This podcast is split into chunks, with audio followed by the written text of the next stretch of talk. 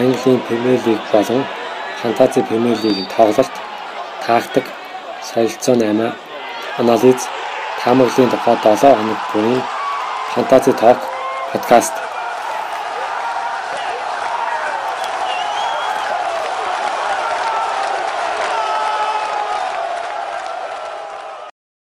Фантази Токийн 2 дахь дугаар эхэлж байна. Премьер лигийн эхний тайрыг болж өнгөрлөлөө. За амаа өөрийнхөө Фантази багийн тухай танилцуулаач юу болж өнгөрөв? Ерөнхийдөө нийт бага арах бол их маш бага оноо авсан. Тэгээд Стер нийт дээр нь 70 оноо авсан байна. Тэгээд Стерлинг 40 оноог нь авсан. Трипл хийсэн. Тэгээд дамжуулалттай би Стерлингийг нөгөө капитанаараа тавьсан байсан. Тэгэд Стерлингээр нь 20 оноо тэгээ капитан гээд 40 оноо авсан. Аа тэгээ бус нь бол бусад 14 тоглогч маань нийлээд нийлээд 30 оноо авсан гэхээр их муу л тоглолцлоо гэж бодож байна. Тэгэд нөгөө Стерлингийг нөгөө трипл капитан тавих тийм нэг зүм юм нэг юм байгаад байсан. Тэгээ эгэлж эгэлж байгаа. Тэгээд эхний тоглолт тэн дээр бас шууд ингэж бас болохгүй байх гэж бодоод болцсон. Тэр бас их алдаа болчлоо гэж хувийн зүгээс бодож байна. Тэгээд одоо энэ байгаа багаараа дараагийн гэрд бинтэл дүүтчихгүй л бол дараагийн төрөгт энэ багаар яран дахиад тоглоно л гэж бодож байна. А эхний тоглолтоор ингээ бүх юм ингээс харж болохгүй байх. А тэгээд дараа нь Стерлингдөөч Бройн 7, Фермино 5 оноо, а Эверсны Дин 6 оноо авсан байна. Уул нь Сигурсон, Робертсон, Призер өндөрт их итгэл найдвар өгч ирсэн ч тэгээд ер нь одоо 2 оноо 2 оноо л авах шүү дээ. Тэгээд миний хойдлын хамгаалагчд бол ер нь маш бага оноо авсан. Довтлооны хоёр хүн маань нийлээд 7 оноо авсан гэхээр энэ төрөгт бол жоохон муу л тоглолцлоо. Гэтэ Фермино мөр хоёрыг ер нь тэгээд улирлын туш сайн дажууд тоглолт үзүүлчих واخ гэж бодоод байна. Тэгэд бага болохоор нөгөө нийт үлдэрлээр нь хараа сонгоцсон. Тэгээд ер нь нийт тоглогчдоос ер нь дөрөв тоглогчийн тэгээд улирал дуусах гэсэн солино гэсэн бодолтойгоо болохоор энэ баг нэг өөрчлөхгүйгээр дараа дахиад нэг үзнэ гэж бодож байна да. За миний хувьд болохоор баг манер энэ тарихт бол нэг хангалттай оноог баг нэлээд таарахын гэж дүгнж болно да 37 оноо авсан нийтдээ. За тэгээд нөгөө хаалгачаас Диха Петресо хоёр байсан. Тэгээд Петресог гараанд гаргасан байгаа. Петресогийн хувьд л яг 6 оноо авсан байна. Гол алдаагүй. Тэгээд нөгөө баг нь хожоог болохоор бас гол оруулаг болохоор тэгтэйгээр тэнцсэн. Тишаг гараанд гаргацсан байж байгаа болилдсон тэгээд тэр бас жоохон буруу шийдвэрлсэн байна. Тишээ одоо 7 сейв хийсэн байна. Нийтдээ 10 он авсан байна. Гаргацсан бол хажээ. Хамгийн өндөр он авсан тэгээд Погба байна да. 2 ассист хийсэн. Нэг клишэд өгсөн байна. Тэгээд нийт 9 он авсан. За багийн ахлагчаар капитанаар Вардиг тавьсан боловч Варди тэтгэл амжилттай тоглож чадсан. Гэхдээ бол форм бол сайн байх шиг байлаа дараагийн тойрогоос бол хангалттай сайн тоглолт гаргах байх гэж бодож байна. Лестерс яг Варди тусны гоё тийм хангалттай геймээр дамжуулт ерөөсө гаргаж өгөхөөрөө бүр жигүүрт гарч ирж хойшоо татчихж бөмбөгөө авч урагшид дуталж ирсэн. Тэгэхээр яг багийн тоглолт нь одоо гайгүй чигдрээд ирэх юм бол Варди бас голд их гарах гэж бодож байна. За Ливерпулийн 3 гараанд гарсан. Робертсон, Александр Арнольд, Фермино 3 гарсан. За Ферминогийн хувьд бол нэг ассист хийсэн байгаа. Тэр нь бол голд магадлал маш өндөр. Дараагийн тоглолтонд гараанд гаргана. Капитанаар тавих бодолтой байгаа. Александр Арнольдын хувьд бол бас нэг ассист хийсэн. Робертсон бол нэлээ олон цогцолтууд хийсэн бол арга амжилт болов. Гэтэ энэ гур бол ер нь тогтмол гараанд гараад байх хаа.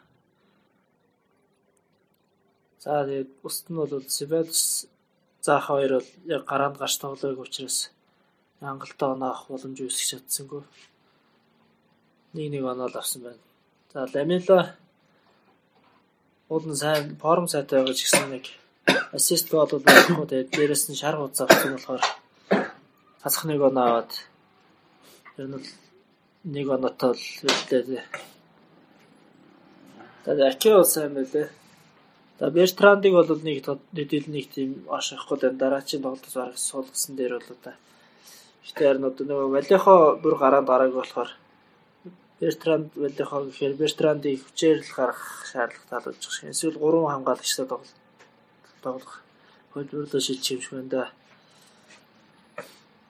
За миний хувьд бол тийм л дараачийн тоглолтоос ирнэ тоглолтын хуваарийг харж агаад Хиаю Патрисо юу гэдэг сонголт гаргах гэж бодож байна.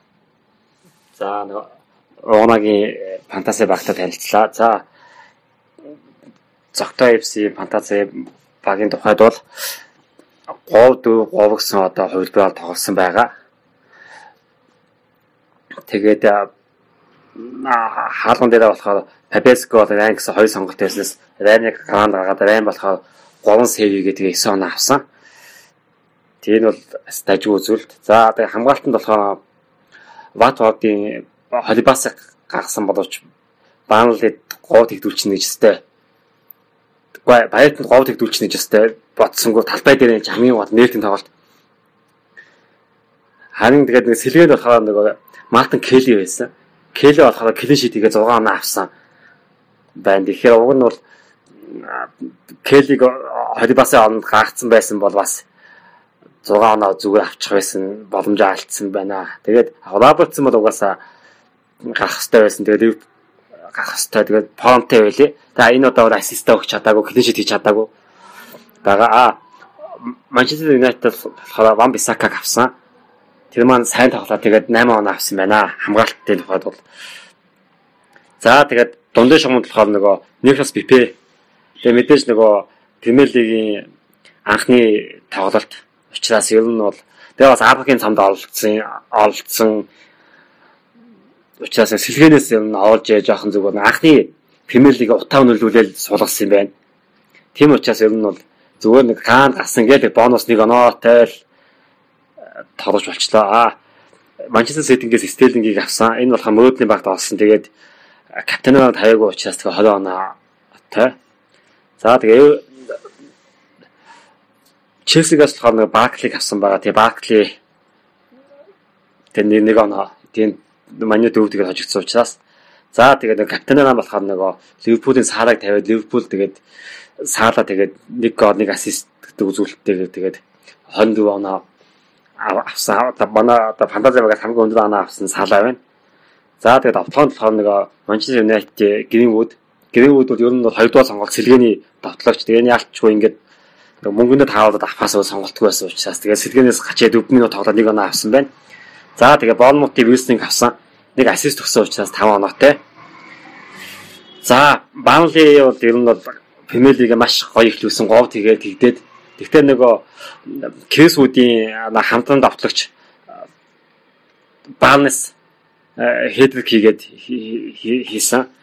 Кэсвүүд бол ер нь ямар нэгэн гол авалтаагүй голын юм давалцаагүй тэгээ хоёр оноо авсан байна. Ингээд ерөнхийдөө бол энэ удаа 74 оноо авсан байна. Тэгээд яг нь цаашд бол нэг 2-оос 3 тайг энэ багаан бас хэвээр нь хадгална гэсэн бодолтой байна. Тэгэхгүй бол одоо нэг Манчестер Юнайтедийн Погба сайн тоглолчтой, Рашфорд сайн тоглолчтой гэдэг сэтгэл зүгээр хандах юм бол нэг өөрийнхөө бүлдүүлсэн үндсэн бага ивчих гээд их хүнд байдалд очих гээд байгаа учраас 2-3 тайг нүдэ аниал харъя тэгж яагаад юм бас юу болох нөө болохгүй бас хэдэд 8 хийн л гэсэн бодолтой бас байна.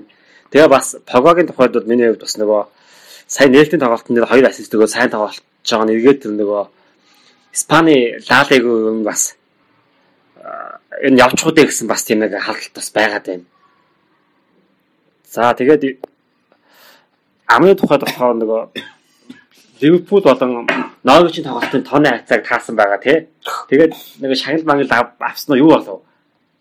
Дөө нэггээ таасан байгаа. Крафт бирээс зарсан уралдаанд нь бол 4-1 гээд зөв таасан. Тэгээд ялгшаа тодруулаагүй байх шиг үлээ. Уг нь бол ялдаж болох 30-аас дээш хүн боломжтой бараг 3 хүн л адилхан таас юм удаа гэж би харсан. Тэгээ 3 дундаас ялгаж болох магадлал их өндөр байгаа мөртлөө тэгээд ялгшин тодорхойгүй байх шиг байлээ. Түрүүний харсан чинь. Тэгээд саалаг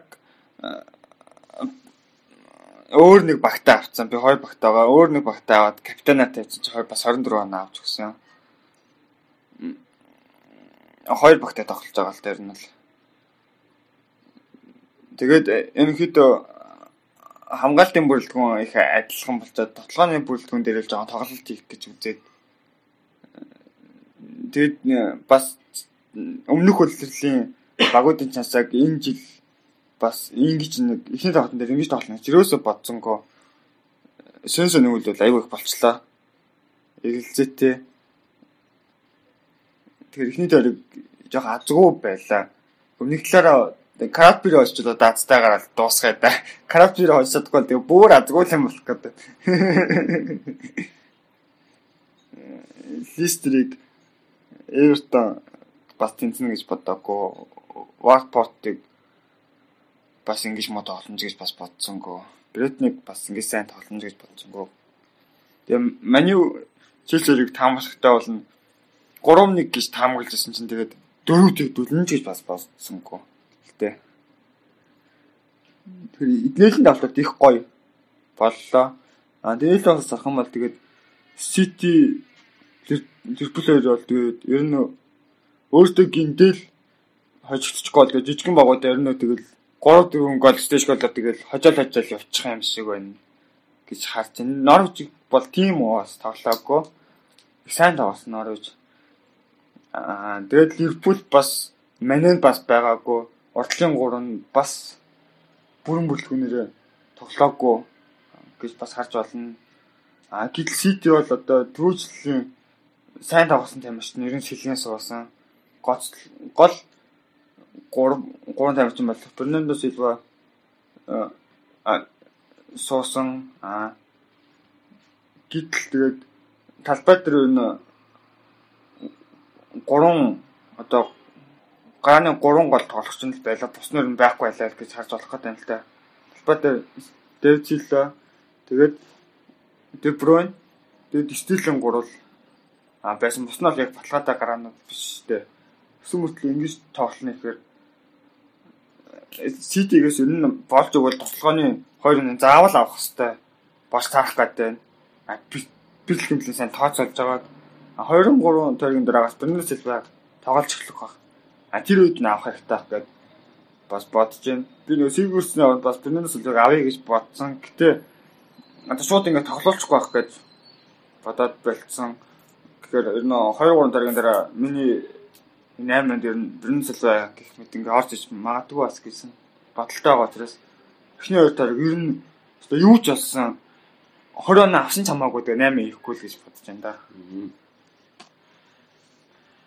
Тэгээ энэ тариг онцлох хамгаалагч нөгөө Марец бас 3 ассист өгсөн байгаа тийм. Тэгэхээр нодон жил бол ер нь их гаанд гаш тоглоагүй. Энэ жил тэгэхээр шууд гаанд гаш тоглоо 3 ассист өгсөн. Тэгэхээр бас энэ форма бас их хадгалах болов гэсэн байдалтай. Ер нь тэгээд нөгөө хуучин тэр нөгөө Лесос хийдэд тоглож байсан. Тэр Маязийн тоглолт бол нөгөө гослон тоглолтууд гэхээсээ илүү Ситигийн формонд орсон тийм гоё дамжуур тоглолтыг болсон бас өөрчлөгдсөн харагдчихлээ. Тэгээд лоо санаа бэлтцсэн учраас Махрад зүрх бас нэг 20 тоглолтод гараан тоглож байгаа болоо гэсэн нэг тамаг байна. Ер нь бол Тэрнээс илүү тэл байга болооцлох гол. Гэтэ Бернс Силва тоглолтоос хамаараа төрөөч гэсэн орж иж магадгүй учраас Санагийн бэлтэл эсэргээр Махрад том боломж олчлаа гэж хараад байна. Тэр нь Сити гол хоёр гол оруулах юм бол аль нэг голд Махрад заавал оролцох байх л гэж бодож л да талбайд байгаа нөхцөлд. Тэгээд хуучны Төброныг бас нэг жоохон харслаа. Тэр Броныг өөрөө л нэг зөгчөөгээд зөхгүй болохоос ш дамжуулалт готолцсон болохоос биш. Хуучны Дебраны харсан Стерлинг ер нь ингээд бөмбөгтөөд байх болоо гэж бодож байна. Тэр Агуротой 11 балаацлт дүр зураг бол ер нь өөрөө би энэ багийн тоглооны гол хүн шүү. Би гол их өстой хүн шүү. Надад итгэл найдвар их хөгж байгаа учраас гээд өөртөө маш их тийм нэг өөрөө хайрлах хүлээцэн хүн шиг тоглож илээ. Их итгэвтэй. Аа тэгээд бас Ливерпулд байсан Стерлинг одоо сидийн Стерлинг хоёр нэг системдээ ууссан, толгой нэг сайн ажилтдаг болсон.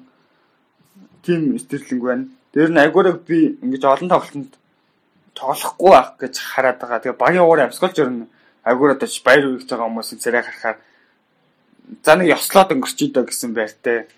Аа тэгээ Певч бас нэг эхний пенальтаа сайн цогч чадаагүй. Гэсэн утгаараа бас их шүмжлэлтэй талбайгаас гарахт нь нэр нь хідүү хилээл харагдчихсан. Их мэтээс шалтгаалаад Стерлингийг өрнөөс авчгаад 12 саяхан өнийг барьчих байх гэсэн бодол байгаа л байна. Тэгээд манью ч хэлээ үдчих чаддаг болохоор бас сайн юу хийж чадахгүй байна. Аа Погба бас эрсдэлтэй болчиход байна л да. Яг 8-ны цанх бүрэн хаагдах бол одоо Лалиг руу явчих магадгүй. Тэгээд Реал Мадрид их муу тоглож байна. Өөлөлийн нөгөө өмнөх тоглолтууд ч гэсэн их муу. Аа сая хүртэл Оромотой тэмцэж байна финал дээр хожигдсон гэдэг чинь их муу үзүүлэлт. Оромо бол Италийн дундч багтаал орж байгаа. А Итали гэдэл одоо дэлхийн лиг арах юм бол дундч лигтээ бараг орох гээд байгаа гэж харахаар Барселона бас тийм сайн биш байгаа гэдэг утгаараа Погба ингээс хоёр дөрөв сайн тоглож юм бол бас явчих магадгүй учраас аавна гэдгийг хэрсэлтэй л 8 болох байх л та. Ер нь бол тэр Челсигийн залуучуудаас бас авах хэрэгтэй байна.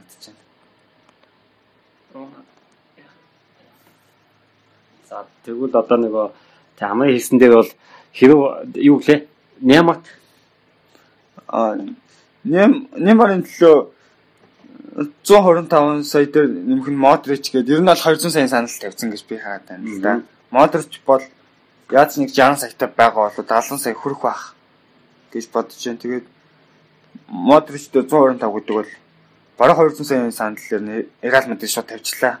Тэгэхээр нөгөө Барсагийн тухайд бол одоо хэрв Неймар Реал явчих юм бол Погбагууд бас Барса одоо сууж болохоо нөхцөл үүсчих гээд байгаа байхгүй яа энэ 8-аас харах юм бол тий. Тийм бас Эриксэн авах өндөр магадaltaй манай Эриксэн яа тэгвэл түүний шугам нь бас яг найдвартай гоё биш байгаад байгаа. Учираас Тэр Реал том 8 их юм бол Барса нэг том 8 дахиж хийхээс замгүй л болох байх та. Ер нь бол Неймарыг чинь баг Реал хийхээс илүү Барса цаагаар бас нэлийн яриа хийж байгаа юм билээ. Тэгэд нөгөө ах магадлал өндөр байгаа. Реал харин яг мөнгөөр л зодоод авчихгүй бол баг Неймарыг бол баг Барса руу явах магадлал нэлээ өндөр байгаа. Баг илүү байх магадлалтай юм билээ гэж харж байгаа. Тэр цаанаасаа үгүйсээ нэ Фересен Жерменээс одоо ихний нээлтийн тоглолтноор бол гараанд гараагүй байлээ шүү дээ. Неймар тэгэхээр Цумын тоглолтод гараагүй.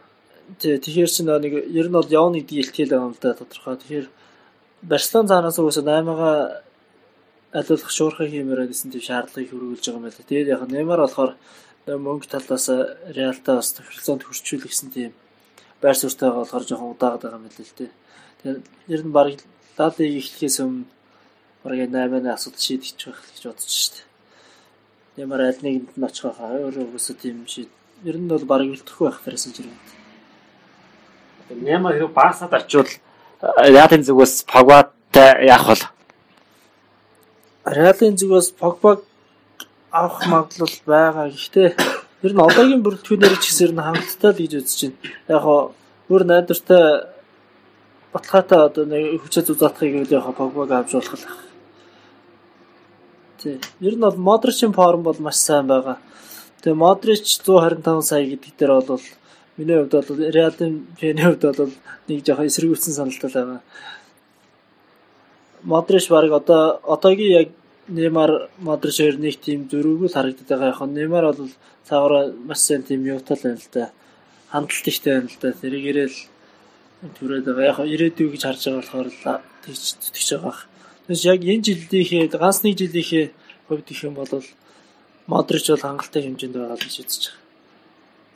Неймарыг аваад яг нэг цааш ирээдүйн нэг 4 5 жилийн баталгаа гэдгээрэл ер нь бол үзэж байгаа хэл та.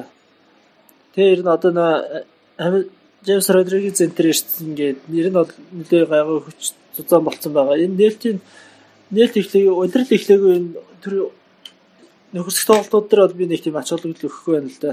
Дэр уусаа тамирч ч гэсэн өөрсдөө нэг тийм тэртээ ач холбогдол өгч яг ичээс тоглохгүй байгаа. Ихэнхдээ нөгөө нэг шинээр ирсэн залуучууд л бол их гүйж харагдж илээ л дээ. Нөгөө үндсэн хүмүүс нь болохоор яг скил ур чадвараа айн гаргах ч юм уу тиймэрхүү тоглолтууд харагдаж байгаа. Яг лиг эхлээд явахаар бол тоглолт шал өөр болох аа. Угсаа дасгалжуулагч гэсэн хамаагүй ингэж тоглохгүй байх л та.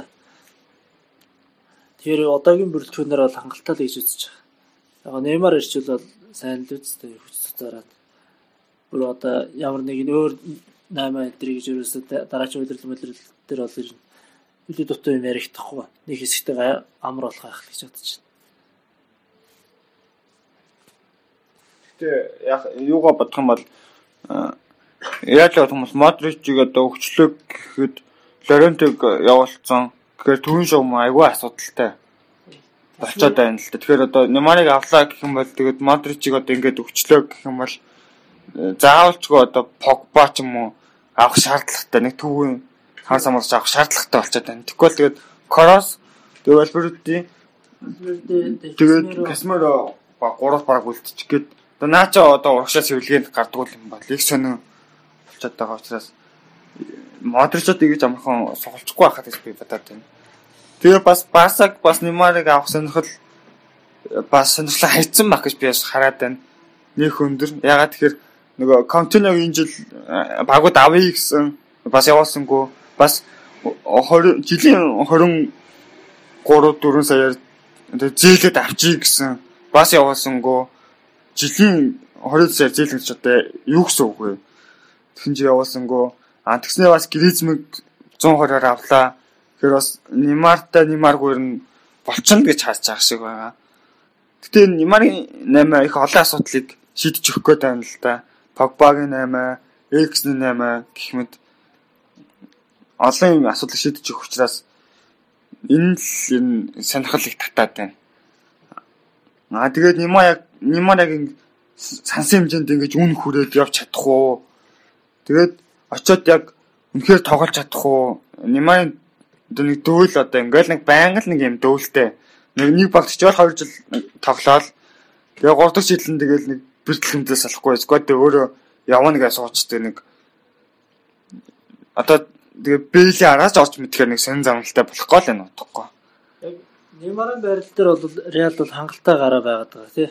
Одоо хин ирсэн, Азар ирсэн. Родриго. Родриго ер нь урд Vinicius Junior, Gareth Bale, Lucas Vazquez одоо Asensio бэртлээс ирчүүл бас байгаа. Тэгээд довтлохоон дээр бол угсаа Mariano Benzema, Jovic энэ гээд хангалттай бүрэлдэхүүн бүр баг 3 давхарсан тийм гараанууд байгаа байхгүй. Тэгэхээр Neymar ирээд хамгаалтанд угсаа тоглохгүй тодорхой тийм үү хаашаа татж тоглохгүй тодорхой.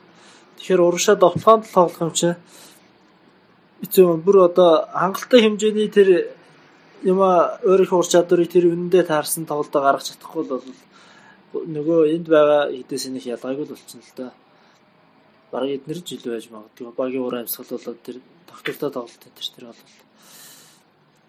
бас тэгээд нэг талаар бас бэртлэхийн төлч гэсэн эргүүлдэг болцсон байгаа. Энэ жүжиг юм эсвэл энэ хэр бэртэд байгаа юм гэдэг асуудал байна л да. Яг энэ чигээ энэ шиг бас бэртэд байх юм бол Гарет Виллис нэг ялгаагүй байх ах. Реал Мадрид бол нэг удирдлийн нэг 10 тоглолтод гараанд гардаг ч юм уу тий. Тэгээ ихэнхтэн сэлгэнээс ордог тиймэрхүү байдал үүсэх юм болоо. Какагийн араас орох үү? Какагийн араас орох үү? Ер нь тэгээд э, яг энэ дөөл тэгээд нэг тодорхой орохгүй байгаа тэгээд өвөл баг манют тэгээд премьер лиг өөрийгөө батлах л хэрэгтэй ах шиг байна да одоо. Ямарч гэж бодож байна да. Одоо энэ лиг нэг Ла лигд л одоо тэгж баг контакт аваад өчгөөд чи одоо Премьер лигт ирэх юм бол ер нь их үер барыг тоглох юм уу ер нь барыг бэртлээс салах юм уу гэдэг юм харагдах болоо гэж бодсон шүү Би ялахаа нөгөө өвөл яг мөнгөний хангалттай төлчил болох л тийм. Өвөл маньд өөрийгөө батлах хэрэгтэй байхал гэж бодоод байгаа юм л да. За ер нь бол нөгөө фантази өөрсдөө фантази фантази багийн тухай тэгээ бас 8-ны том шомуудын тухай бас энэ хэдэн бас ярилцлаа. Тэгээд фантазитай холбоотой нэг төгсгөлийн бас эцсийн хилээгүй өгдүүд байна уу? Тэгвэл тэрийг ихэд хэлээд ерөнхийдөө энэ удаагийн подкаст өндөрлөх шатандаа ирээ. За, уунагийн хувьд. За, миний хувьд энэ хаалгач дээр л одоо сонголт хийхэд амар хэцүү боллоо. Энэ Wolves маний хоёр тоглох юм байна. Тэрэн дээр E2 багийн хаалгачийг би авцсан байгаа. Аль алийг гаргах вэ гэдэг дээр маш их эргэлзээтэй болоод байна. Wolves төдийлөн довтлохгүй болов гэж бодод байна. Эсвэргээр олон клишид сейв хийнэ гэж бодоод Патрисыг гаргачвал одоо гол алдаа хожигдвол яах вэ гэдэг тийм эргэлзээ бас гараад байна л да. Дэхягийн хувьд цохилууд нэг хэрэггүй ч гэсэн яг хожвол бас Илижидтэй бас амар юм болов гэж бодлоо. Алийг нь гаргахаа яг тодорхой шийдэв үлээ. За тэгээд бусдаар бол дахиад сая Арсеналын гараанд гараагүй ер нь тоглоагүй бол энэ одоо дараачийн тойрог дээр 2 дугаар тойрог дээр гарах юм болов уу юм болоо. Тэр эргэлзээл Тэр нь бусдаар бол хуучин гараагаа гарганаа гэж бодож байгаа.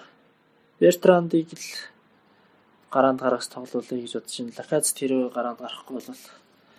Тэгээ капитана ер нь Ферминиогоор тавил гэж бодож байна да. Ферминио хоёр дугаар багийн ахлагч Погба юм уу заахаагаар л тоглоулна гэсэн тийм бодолтой байгаа. За. За, амны багийн тухайд Аа за. Би одоо нэг солилцоо нэмэ ер нь бол хийхгүй тэгээд юугаач бас нэг өөрчлөлт гараагач бас өөрчлөхгүй а холбасын үг нь Бритни эсрэг ядч нэг ганц энтер ассист өгчих байх гэж харсан чинь тэгээ багаараа тэгээ сайхан хожигдоод дууссан. Кристалас ван халт надаа байгаа. Ван халтыг холбасаар гараана солих байх гэж бодож байна. Ван халт бол үнэхээр сайн формтой.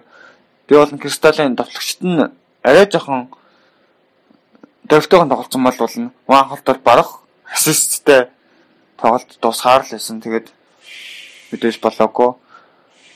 Аа, оргил тоглолт нь бол тэгээд тоотой ситээр байлаа. Аа, гэтээ би тоотой юмыг одоо Вестгэм шиг 5 гол алсан гэж бодохгүй байна. А гэтээ Сити бол нэг 2 тиг эсвэл магадгүй нүцээр хагаад 3 гол хийж мэднэ. А тод бол нэг тэр нэг голоор нь хийчих байх гэж хаад байгаа. Ягаад тэгэхээр Родри бол бас хамгаалтанд цэвэрлэгэнд бас жоохон алдаа гаргачих гад. Тэгээ нэг фринд нэг 100% оролцохоор хэмжээнд биш байгаад байгаа. А тэгээд Stones гараад Stones жоохон хийтэй учраас тэгээ Harry Kane бол одоо миний хамгийн дургу тоглогч. Ягаад тэгэхээр нөгөө цэвэр азар тоглолдог. 3 голын цэвэр боломжийн гуулын нь алдсан мөртлөө нэг сонин гол орохоогүй юм дээр очиод оруулцдаг. Тэм нэг азтны л тоглогч. Цэвэр уур чадвар бол баг байхгүй. Нэг хөдөлмөр байхгүй. Тэгээ баяхан тоглог сүйдэгдэг мөртлөө. Тэгээ том тоглолтод бас яндаггүй тоглолдог. Том хамгаалагч тоглолтоо гаргаж чаддаг гэдэг утгаараа Ситиг л 2 тиг эсвэл 3 тиг энэ төрөөр хоччих байх. А магадгүй нэг Лукас энтер ингээд нэг Ламел гээд нэг одон гэдэг тоглогчод нэг одон гээгээд нэг 2 гол оруулахгүй бол гэж бодоод Стерлингийн хэлээр нь алхачаараа тавина гэсэн бодолтой. А эсвэл Ферминогоо тавина гэсэн бодолтой байгаа. А нөгөө багт бол Салахыг тавина гэж бодсон. Сала Саутемптонд тоглоно. Саутемптны хамгаалтыг би бол одоо Премьер Лиг 20 багийнхан бараг 17-ны амьд л очих байх гэж хараад байгаа л та. Тийм л бодолтой байна. Тэгээд одоо хүмүүс бас их ихний тоглолтод жоохон муу авсан байж магадгүй. Яг тэгвэл нөгөө олон жилийн дунджаар сайн тоглолтог тоглогчдод их муу оноо авчихсан учраас. А тэгтээ энийг бодгоо битээ өөрчлөлт чинь нэг л тоглолт шүү гэж хэлмээр байна л да. Тэгээ ихний тоглолтод бол тэгээ ер нь яг тогтмол тоглолт биш жоохон аз гэдэг зүйлийг нөлөөлдөг учраас энэ жоохон анхаарах хэрэгтэй болов гэж бодож байна. За манай багийн тухайд бол өмнөх эхний тавигдах говь дүү говь гэсэн холбоо тоглосон бол энэ удаа дүү дүү хоёр гэдэг холбоо тоглоно. Ер нь бол Гринвудыг одоо гаанд гарахгүй ер нь бол байнгын сэлгээнд байлгахаар энэ бол шийдэж байна. Тэгээ алхчин тохиолдолд ер нь би саалаг тавина Саутгемптны эсрэг тоглох учраас бусдаар нэг хөөцөлт хийхгүй. Сэргээ бас нэг хийхгүй. За put talk энэ зүйл өндөрлж байна.